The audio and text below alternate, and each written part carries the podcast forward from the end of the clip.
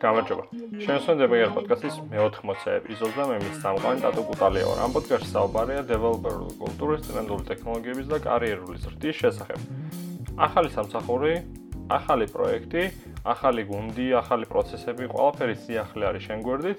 და ისმის კითხვა, როგორ შეიძლება ჩავერთო აი ამ თლიან სიტუაციაში, ისე რომ ნაკლები დრო დავხარჯო და ვიყო ეფექტური. აი ეს კონკრეტულ პრობლემებს ვჭრიდე მარტივად. ამაზე შეიძლება ცალ-ცალკე ეპიზოდების გაკეთება. მოდი დავიწყოთ ერთ-ერთის განხილვით, როგორიც არის, როგორ ჩავერთო ახალ პროექტში. ეს კითხვა დამისვა ერთ-ერთმა ჩემმა მეგობარმა და გადავწყვიტე, რომ ამაზე ეპიზოდიც კი ჩამეწერა.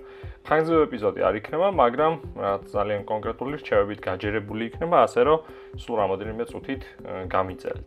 ახალი პროექტი აუცილებლად არ უკავშირდება ახალ სამსახურს, თუმცა ყოველთვის არის რაღაცა ახალი პროცესების დასაწყისი, რაღაცა ახალი იდეების განხორციელება, რომელიც მანამდე თქვა ვერ მოახერხეთ ძველ პროექტებში და ახალ პროექტში შეგვიძლია გამოვიყენოთ. ამ შემთხვევაში საუბარი მექნება ახალ სამსახურში, როდესაც გადადიხარ და ახალ პროექტთან გიწევს შეხება და როგორ შეიძლება ეფექტურად ავითვისოთ და გავხდეთ ეფექტურები ამ ახალ კოდბეისთან. ამასთან შეგვიძლია სტრატეგიულად და მეთოდურად მიუდგეთ და არის რამოდენიმე ასე ვთქვათ, საფეხური, რომლის მიხედვითაც შეგვიძლია რომ ძალიან კარგად და კომფორტულად ჩავხდეთ ახალ პროექტში. ზოგიერთს თვეები ჭირდება, ზოგს კვირები, ზოგს შეიძლება ერთი კვირაც კი დაჭირდეს. შედარებით ცირე გამოცდილების დეველოპერები, რომლებიც გადადიან უკვე ერთ სამსახურიდან მეორე სამსახურში და ხვდებათ ახალი დიდი პროექტი, შეიძლება დაიბნენ და სტრესული გარემოება შეიქმნას, რადგანაც დრო გადის და ამ დროის განმავლობაში მათ უნდათ რომ უფრო კარგი შედეგი აჩვენონ და უფრო გაუთავმოდნენ არსებულ კოდბეის. ერთ-ერთი მიდგომა არის, რომელიც ბევრგან მინახავს ასევე, არის რომ პროექტს აიღებენ და ცდილობენ სხვადასხვა კომპონენტებს შეხედონ, ეს კოდი წაიკითხონ, გაარჩიონ, გაუგონონ, რასაკეთებს ეს კომპონენტები და ამის მიხედვით შემდგომ ცადონ ბაგფიქსების და ახალი ფიჩერების შეტანა.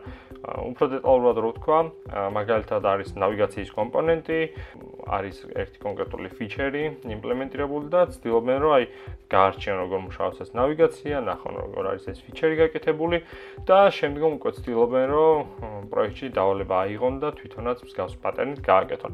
ეს შეხედვით ყველაფერი სწორად არის, თუმცა რეალური სირთულე გვაქვს, იმიტომ რომ ამ ახალმოსულ ადამიანებს ძალიან მცირე ცოდნა აქვთ თუ საერთოდ არაფერი ამ პროექტის შესახებ და საერთო კონტექსტი არ აქვთ, როგორ იწერებოდა ეს კოდი მაშინ, რომელიც ახლა დასაწყობებულია ამ რეპოზიტორიაში და კითხულობ ამ ფიჩერის ან კონკრეტული კომპონენტისთვის.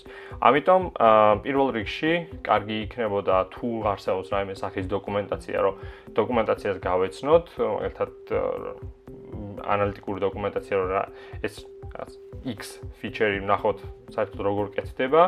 და ამოდროულად ტექნიკურ დოკუმენტაციას თუ რისგან არის პროექტი შედგენილი რა არქიტექტურა, რა მიდგომებს იყენებს, რა პატერნებს, ეს უბრალოდ გაცნობის დონეზე, რადგან ძალიან ღრმა დრო შევყვეთ ამ დოკუმენტაციას, დასაკმაოდ დიდი ალბათობით ასე ობიექტურად არაეფექტური იქნება, ამიტომ ძალიან პანცირე მოთხოვითი სესიის შემდგომ კარგი არის თუ რაიმე არსებული API-ის endpoint-ის.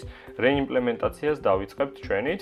მაგალითად, თუ არის რაღაცა ფილმები წამოვიღოთ და მისი დეტალები, აი ორი სკრინი რაც არის, დავიწყოთ რომელიმე ამ endpoint-ის რეიმპლემენტაცია ჩვენთვის ცალკე, რაც საშუალებას მოგცემს, რომ მთელი ის კომპონენტები, რაც ჩვენ აპლიკაციის შიგნით არის, ჩვენ თვითონ გამოვიყენოთ სხვა სხვა ლეიერები, UI-ის ნაწილი, data-ს ნაწილი, შუაში რეპოზიტორიის ნაწილი, ასევე შევეხებით ნავიგაციას, შეიძლება მოგვიწიოს ქეშირებასთან შეხება. და მოკლედ ძალიან ბევრი პატარა უხილავი ელემენტი იქნება ჩვენს ხელთ, ასევე შეიძლება მოგვიწიოს build კონფიგურაციასთან შეხება და შეიძლება დაგჭირდეს კიდევაც რაღაცა დიზაინის ნაწილების ნახვა და ვნახოთ როგორ ვიქცევ დიზაინერებს, სტილები როგორ აგვაქვს, ანუ დიზაინ სისტემა როგორ გვაქვს აპლიკაციის ან ვებ აპლიკაციის ან მობაილ აპლიკაციის შემთხვევაში აწყობი, მოკლედ ერთი თითქოს და უწყინარი პატარა endpoint-ის იმპლემენტაციით ხვდებით ძალიან ბევრი რამე როგორ არის ჩვენი აპლიკაციის შიგნით მოწყობილი.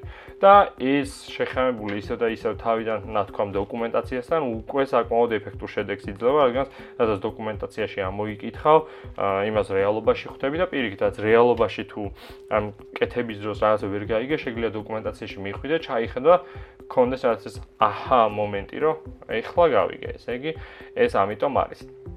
ამის შემდეგი ეტაპი არის, რომ ავიღოთ რომელიმე ერთი ბარათი და დავიწყოთ ძალიან მარტივი bug fix-ი, რომელიც საშუალებას მოგცემს ასევე გავეცნოთ სხვა ნაწილებს აპლიკაციაში, ნახოთ იქ ცოტა ძველი კოდი სად არის, სად შეიძლება ახლებული მეთოდების და მიდგომების გამოყენება და შემდეგ როცა bug fix გავამზადეთ, უკვე რეალობაში საშუალება გვექნება, რომ გავხსნათ pull request-ი და ჩვენი კოდი review-ზე გავაგზავნოთ. ეს გვაძლევს უკვე შემდეგ ახალ ნაბიჯს, სწავლოთ როგორ მუშაობს გუნდი და რა პროცესები არის, როგორი არის ინფრასტრუქტურა, CI/CD-ის ნაწილი, როგორ კეთდება რაღაც დავალებები, როგორი არის ბარათების მართვის ჯირა იქნება Teams თუ U-Track-ი იქნება მნიშვნელობა აქვს ნებისმიერ ასეთი პლატფორმა როგორ ხდება review, როგორ უნდა ანუ თუ ვაკრამე წესები გუნდს უკვე pull request-ების გაგზავნაზე, როგორ უნდა შევასოთ pull request-ის default შაბლონი და აი ასეთი მთლიანი გუნდურ საკითხებსაც გავეცნობით და ამისთვის ალბათ მთლიან მთლიანად დაგჭირდებათ დაახლოებით 1 კვირა, ეს ყველაზე კარგ შემთხვევაში. საშუალო დავიღოთ ესე 2 კვირა და 2 კვირის მერე უკვე ბევრად თამამად მიყვებით პროცესებს და შეგვიძლია უკვე რაც პატარა რეალური fix-ების შეტანაც პროექტში. ნაცვლად იმისა, რომ რაღაც ჩვენთვის ვიждეთ, რაც კომპონენტები ვარჩიოთ და ორი კვირის თავზე გქონდეს ძალიან მწირი რესურსები, ანუ უფრო მეტად ენციკლოპედიური ცოდნა მივიღოთ, ვიდრე რეალური პრაქტიკული ცოდნა. ა რეალობაში მეორე უფრო მუშაობს და როდესაც აი ამ ზედაპირს ასე ვთქვა დავფარავთ და რაღაც ზედა ნაწილი რომ ყარად ვიქნებით, შეგვიძლია უკვე მე კონკრეტული კომპონენტების დეტალებში შესვლა და რა თქმა უნდა, იქაც ცვლილებების შეტანა, გაცნობა, როგორ წერია, რანაირად და რამე ამ ნაწილზე თუ დოკუმენტაცია არ არსებობს, ასევე შეგვიძლია მაგ დოკუმენტაციის დაწერაში შევიტანოთ წვლილი.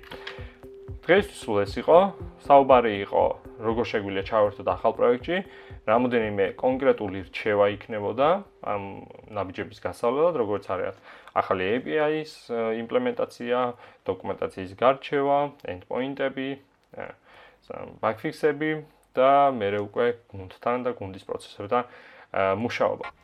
წარმატებები, თუ ამ კითხვები გექნება, დაუცილებლად გამიგზავნოთ და გამიხილოთ.